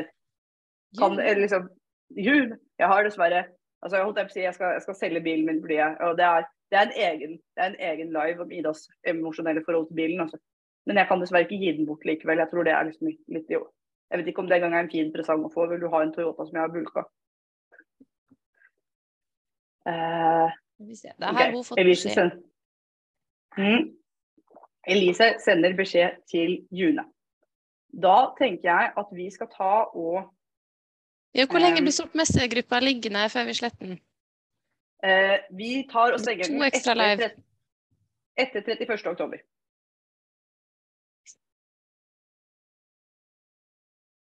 Så nå kommer jeg til å stoppe screenshare. Troop. Og så tenkte jeg Nå er det jo sånn at du har jobbet med sort messeinnholdet i snart halvannen uke.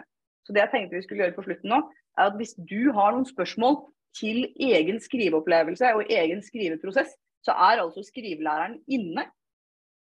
Eh, og det er bare å stille dine beste eller verste eller mest ville og iherdige skrivespørsmål i QA-boksen, så er jeg her for det. Eller bare betraktninger rundt hvordan øvelsene har vært for deg.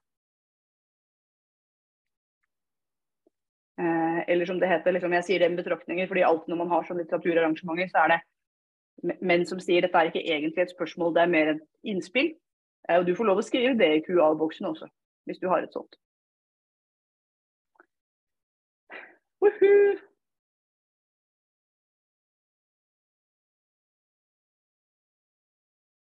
Stine sier mitt innspill er skriv, lukk øynene, trykk, publiser. Jeg elsker det. Vilde sier jeg testet ut noen av skriveøvelsene mine med norskelevene på VGS. Det var veldig gøy. Det digger jeg så mye, Vilde. Nå ble jeg veldig glad. Uh, så Jeg bare sier liksom sånn Jeg er så imponert over alle som har Altså hvor god stemning vi bare klarte å lage inni den gruppa. Og hvor, eh, hvor mye bare liksom Så hvor flinke folk har vært til å heie på hverandre. Det jeg synes var helt utrolig deilig. Mm. Therese sier jeg sliter med å få oversikt over elementer, dikt eller passasjer. Prøvd å skrive ut og ha på gulvet. Prøvd Trello. Fins noen triks? Yes. Dette her er et godt spørsmål, Therese. Så eh, altså Jeg bruker, når jeg har mange små tekster som jeg skal stokke til rekkefølge, så bruker jeg noen ganger et verktøy som heter Skrivner. Og Skrivner er egentlig laget for å stokke romaner, men da har du på en måte inne i programmet en korktavle hvor du kan flytte dem rundt på tavla. Den andre tingen jeg bruker, er Evernote. Og Evernote er da liksom et sånt catch all notatboksystem du kan ha på telefonen, hvor du også kan ta bilde av ting du finner på internett, eller ting du har skrevet på servietten din. Eh, realiteten er at liksom, Elise Otle er i ferd med å flytte inn i min Evernote, fordi jeg bare jeg sender deg noe fra Evernote. Der har jeg skrevet ned alt. Um, så det er liksom Det er på en måte det stedet jeg har som utvidet hjerne. Mens jeg da har skrivner til liksom sånn Nå skal jeg ferdigstille disse tingene. Så det er på en måte så Evernote har liksom både notatbokstruktur og lappestruktur. Og eh, du kan også tagge tingene inn i Evernote. Så hvis du liker å bygge litt database, så går det an. Ellers ville jeg tenkt skrivner. Eh, eh, Silje T spør har du noen generelle tips for de som sitter fast i plottutvikling. Yes, Silje. Så eh, Den viktigste tingen eh, som jeg liker å gjøre, er at liksom, det er veldig lett å tenke plottutvikling, men realiteten at de aller, aller fleste plott er jo mennesker som gjør ting. Ikke sant? Med mindre du har skrevet en bok som er liksom 99% naturkatastrofer, så du har skrevet en bok som er liksom skrevet fra perspektivet til en tordensky, så antar jeg at det er mennesker som gjør ting inni boka di. Og Den beste måten å utvikle plottet på, det er å bli bedre kjent med karakterene. Og eh, så Istedenfor å tenke hva skal skje i plottet, så kan du begynne å tenke hvilket rom er det de bor i. Kan du, Alle de øvelsene du nå har gjort for kroppen din, kan du zoome inn på deres liv og tenke liksom deres klær, deres greier. Når jeg jobbet med Daniel, eh, som er da min eh, veldig action- og plottdrevne ungdomsbok, som jeg skrev i 2015, eh, så hadde jeg utrolig mye tid hvor jeg gikk rundt i Oslo og var Daniel. Og måten jeg gjorde det på, at jeg hadde musikkspilleliste for Daniel. Og så gikk jeg rundt og liksom bare sånn så på ting, lot som jeg var Daniel, kikket på ting som jeg var Daniel. Og så gjorde jeg det for de andre karakterene også. Og da er det noe med at når du da begynner å tenke på hva skal skje i plottet, så er jo spørsmålet hva gjør Daniel? Eh, og jo mer tid du bruker på å kjenne på karakteren og være karakteren Maria Kjosvold har vært på Heksedekkel og snakket om det samme, at hun, når hun jobber med romanene sine, så bruker hun teknikker eh, fra method acting, fra skuespill. Ikke sant? Så da kan du liksom være sånn OK, eh, nå prøver jeg å være denne karakteren noen dager og se hva den finner på. Og så plutselig er det veldig åpenbart hva som kunne skjedd i plottet, fordi du har prøvd å være karakter. Trude Julie spør. Syns det var helt fantastisk at du delte om human design og hvordan det spiller inn på skriving og formidling. Det svarte på noen store spørsmål jeg har hatt lenge. Det ble jeg skikkelig glad for. Jeg syns jo det er så gøy med human design. Jeg føler at det kanskje er liksom at human design og astrologi er litt min strikking. Jeg mener ikke det for å krympe human design og astrologi eller strikking, men det er liksom den tingen hvor jeg bare sånn Det, liksom, det er sånn hjernen min virker. Eh, og så er det veldig veldig gøy for meg å få lov til å lese og kikke. Eh, så det er liksom Skal vi se. Eh, Silje Nikoline Rundesdatter Kvalheim spør når i prosessen bør man begynne å dissekere tekster man har skrevet. Jeg er usikker på om jeg skal fortsette å skrive små tekster eller begynne å gå inn i dem. Så det kommer litt an på hva som er målet ditt, Silje Nikoline. Hvis du tenker at du skal jobbe med å gjøre en tekst ferdig, eller om du tenker at du skal ha en stor samling tekster. Ikke sant? Så det er litt sånn Her tenker jeg at du kan kjenne litt i magefølelsen din hvilken vei du skal gå. Fordi når du jobber med å gjøre én liten tekst større og bedre, da si du jobber med et blogginnlegg, ikke sant? Altså, du skriver jo ikke hele bloggen i én smær, du skriver et blogginnlegg om dagen eller et blogginnlegg i uka. Så la oss si du jobber med et blogginnlegg. Eh, eller du jobber med en artikkel. Eller du jobber med en liten dikt og tenker at nå skal jeg bare lage et dikt til Instagram. Ikke sant? Måten du Jeg vil ikke si at du dissekerer den, men det du gjør, er at du banker på den. Ikke sant? Og får den til å utvide seg. Så hvis du tenker at du eh, som en veldig kort tekst, så vil jeg tenke at du er litt som Edvard Munch. At du tegner skrik mange ganger. Du skriver denne teksten mange ganger. Eh, og at det er vel så mye som å dissekere den, er å jamme den. Men hvis du tenker at målet mitt er å lage en samling av disse tekstene, så ville jeg bare tenkt at nå skriver jeg, så, nå skriver jeg en om dagen. Og så må jeg regne med å kaste kanskje 60% men jeg skriver en om dagen. Mm. Eh, Luna Lena 123 sier øvelsen har vært stormende, befriende og skamløse. Jeg har åpnet en egen Insta-profil for rar poesi og angst. Jeg elsker det! Fått støtte i Facebook-gruppa. Samtidig har det vært en syretripp uten narkotika. Jeg har nesten ikke sovet på tre uker. Vært gjennom en personlig krise, en åndelig heksereis og en renselse. Nå er hodet tomt og er spent på veien videre. Takk for åpenbaringen. Du, Luna jeg syns jeg er så utrolig gøy. Og så må jeg bare si eh, velkommen til solformørkelsessesongen. Det er litt hardt for systemet, men de rare tidshoppene som liksom både er kosmisk, og som skjer når du begynner å Når du går fra grubling til gjøring, så hender det at liksom altså Noen ganger så tror vi på en måte at OK, jeg skal begynne å gjøre en ting, og så kommer det til å ta en million år. Og så er det sånn jeg begynner å gjøre en ting, og så viser det at det bare var et bitte lite hopp, og så var jeg liksom kjempelangt av sted. Uh, og det er også en sånn uh, en ting du må liksom Ja, så ta godt vare på den biologiske organismen. Um,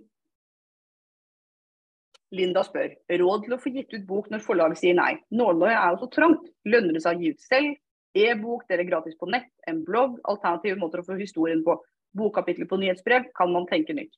Vel, for det første, Linda, dette her er det Saturn-fasen på heksesirkel handler om. Ikke sant? Og det er her jeg blir sånn på en måte jeg skal si streng og bestemt, men den første tingen jeg vil at du skal tenke, er at og dette er nybegynnerfeil nummer én, at du tenker at alt jeg har skrevet må bli til en bok for at det skal være sant. Og for at det skal være ekte, at jeg skal bli en ekte forfatter, så må den teksten jeg har produsert, bli en bok. Men realiteten er at de aller fleste forfattere, meg selv og min mann inkludert, har skrevet kanskje fem ganger så mye som vi har fått utgitt. Ja, og jeg blir refusert hele tiden fra våre egne forlag, som er veldig glad i oss og vil ha alt vi skriver. Og likevel så er det altså sånn at jeg har skrevet Jeg er usikker på om det er åtte eller ti Brillebjørn-bøker som ikke er blitt noe av. Og dette er en karakter jeg kjenner godt. Men liksom det er en del av prosessen. At forlagets jobb er å være det nåløyet og er å være den stilen. Så istedenfor å tenke å nei, hvordan skal jeg sørge for at denne boken kommer ut, eller at denne teksten kommer ut, eller at dette blir en greie, så vil jeg at du skal stole på at den boken blir skal jeg finne her, kompost til dine fremtidige prosjekter, og er et nødvendig svennestykke for neste nivå. Så syns jeg at du skal skrive nyhetsbrev og skrive blogg og dele ut ting gratis på internett og ta all den plassen som internett gir deg.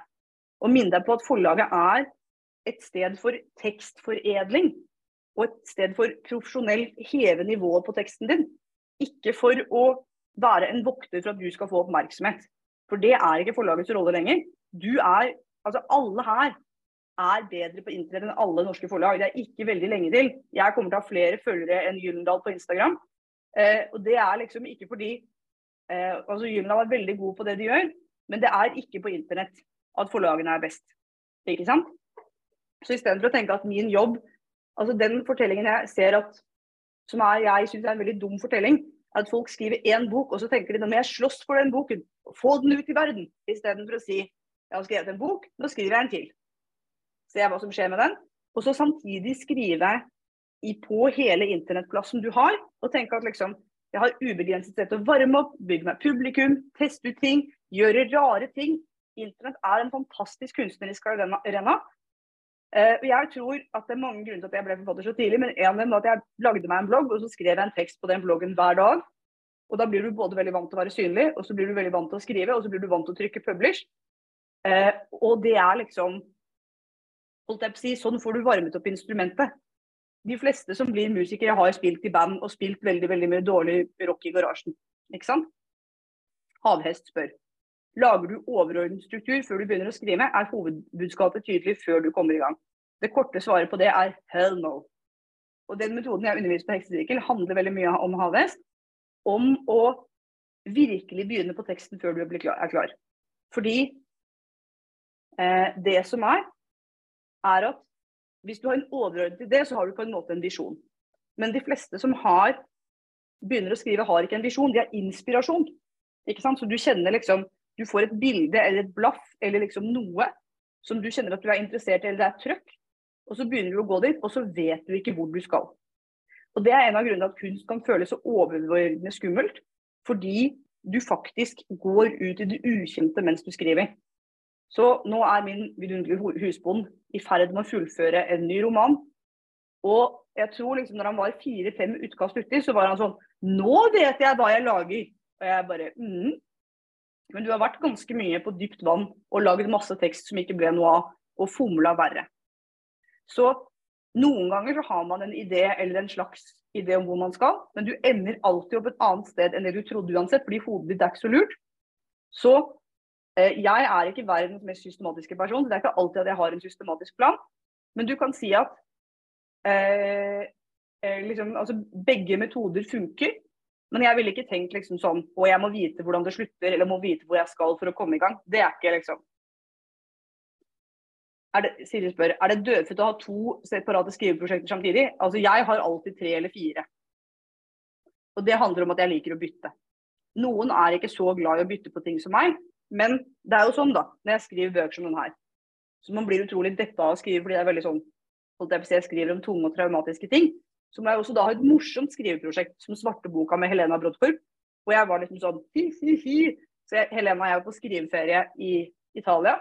Og da skrev jeg delvis fødselsdag og delvis Svarteboka, og det var veldig digg å kunne gå fra sånn øh, til hi, hi, hi. Eh, så jeg anbefaler å ha liksom tung lett, eller kort lang, eller tull og tøys og en veldig alvorlig. Eh, Maria C. sier det med sinne var veldig nyttig. Jeg har nok mer eller mindre ubevisst tenkt at ingen vil lese om karakterene mine hvis de er sinte. De må nok være litt pene og pyntelige i talen. No more! Oh my god, den her vil jeg ha på en T-skjorte, Maria C. Det var et vidunderlig innspill. Skal vi se. Den har tatt answer live. Don. Eh, den har tatt answer live. Don. Eh, Thea spør hvor lenge bør man la et ruskete førsteutkast ligge før det går over på det, før du begynner på nytt. Så uh, jeg tenker at det viktige, det er den ting vi driver og øver, med, øver på heksesirkel, er dette med å ta uh, hvilepause i teksten. Og, og, la teksten ligge lenge nok til at du kan få litt overblikk på den. Eh, så det her finnes det ikke noe hard and fast rules. Det er litt derfor vi jobber med intuisjonen vår også. For det er liksom sånn at noen av oss er veldig kjappe i avtrekkeren, og noen av oss trenger lengre tid. Eh, så det svaret på det til er egentlig liksom sånn at jeg har noen ideer som jeg legger frem i heksesirkel, men hovedpoenget er at du skal bli i stand til eh, å eh, Hva skal jeg si for noe? Eh, bli i stand til å What's the word for it? Å ta avgjørelsen selv. Sånn på en måte når føler jeg meg klar til å hoppe inn i den igjen?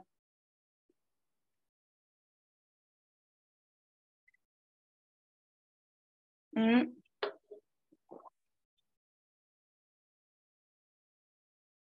Nina sier når er timingen med å dele tekst i den store vide verden, spesielt i sosiale medier, men også i pressen. Apropos å være inspirert i øyeblikket. Kan angre på meg selv, men så vet jeg ikke om det er meg eller selvkritikeren eller en oppriktig anger. Når man sender inn til flere medier, si ja til den første og beste fisken. Litt kjipt å havne bak betalingsmur. Altså eh, Jeg tror på en måte at her handler det litt om hvilke steder du liker å lese, og hvilke steder du har lyst til å være. Ikke sant? At hvilket publikum liker du, hvem har du lyst til å snakke til når du sender fra deg. Som du hører så er veldig mye mer strategisk når jeg tenker ut i verden enn i starten av prosjektet. Men eh, altså, altså Mediene er full av rusk og rask og drit, og internett tåler eh, uferdige ting. Så jeg ville heller tenkt at liksom det er lov å eh, altså, når, altså Det er ikke noe galt i å skrive inspirert, komme i avisen, og så føle seg litt skjermflau etterpå. Ikke sant? Altså den sånn eh, Altså det å øve seg på å håndtere synlighet og oppmerksomhet er på en måte et eget ferdighetssett. Ikke sant? Eh, og noen ganger når vi er redde for å gjøre ting med tekstene våre, så er det fordi vi tenker at jeg klarer ikke så mye synlighet eller oppmerksomhet, eller jeg er veldig redd for hva som kommer til å skje. Men det er noe av det som eh, holdt jeg på å si eh, All medieoppmerksomhet er stress. Ikke sant? Selv om det er positivt stress. Så det er noe av det vi jobber med i månefasen på heksesirkel. Handler om hvordan få bedre verktøy for å håndtere stress, også det bra stresset. Ikke sant? Eh, så jeg ville ikke sendt til flere medier med en gang. Jeg ville tenkt at du finner en debattredaktør du liker bedre enn andre, og så starter du der. Og da kan du også som regel få, eh, holdt jeg på å si um, Hva skal jeg si? Hvis målet er delinger, så er det selvfølgelig det en betalingsmur. Men realiteten er at veldig veldig mange leser aviser på papir uansett.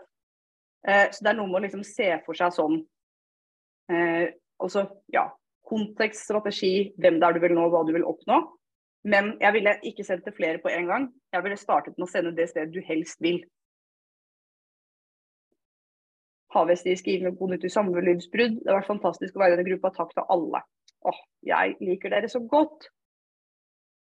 Skal vi se. Og Elise har svart på flere spørsmål av liksom teknisk og praktisk art, which I love. OK. Da hva jeg skal gjøre da? Da skal jeg ta og lukke sirkelen. Og så skal jeg si tusen, tusen takk til deg som hørte på live, og til deg som hørte på i opptak og på øret. Uh, uh, uh, hvis du har spørsmål du ikke har fått svar på nå, så kan du fortsette å stille dem i gruppa, fordi gruppa varer til hvert fall ut mandag neste uke. Så du kan ta med alle spørsmålene de, de da, så henger Team Jackson der videre inn. Og hvis du har spørsmål om heksesirkel, eh, enten om eh, hvordan det funker, hva er det som kommer til å skje, burde jeg bli med you name it, så kan du ta det på direktemelding på Instagram, direktemelding på Facebook til idajackson.no. Du kan også skrive direkte til kundeservice at Studio Jackson. Eller starte en tråd i Facebook-gruppa, for vi følger med og heier. Eh, men liksom Men eh, si, ta, meta, ta meta-ansvar. Ikke skriv fire sider med veldig veldig, veldig privat helseinformasjon på meta. Eh, liksom, Be a sensible person. Du er voksen. Ikke sant. Ja, alle de tingene. Men vi lukker sirkelen trygt. Og så sender jeg kjærlighet til alle sammen. Tusen, tusen takk til deg som har vært med.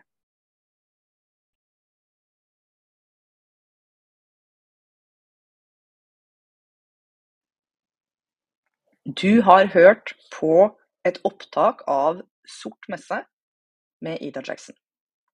Hvis du vil høre mer om heksesirkel, eller melde deg på, så kan du gå til sjefsex.no, eh, og du kan sende en direktemelding til idajackson.no på Instagram for å snakke med oss om programmet, eller en direktemelding på Facebook til eh, idajackson.no, altså ikke Ida Jackson privatperson. Jeg gleder meg til å høre fra deg.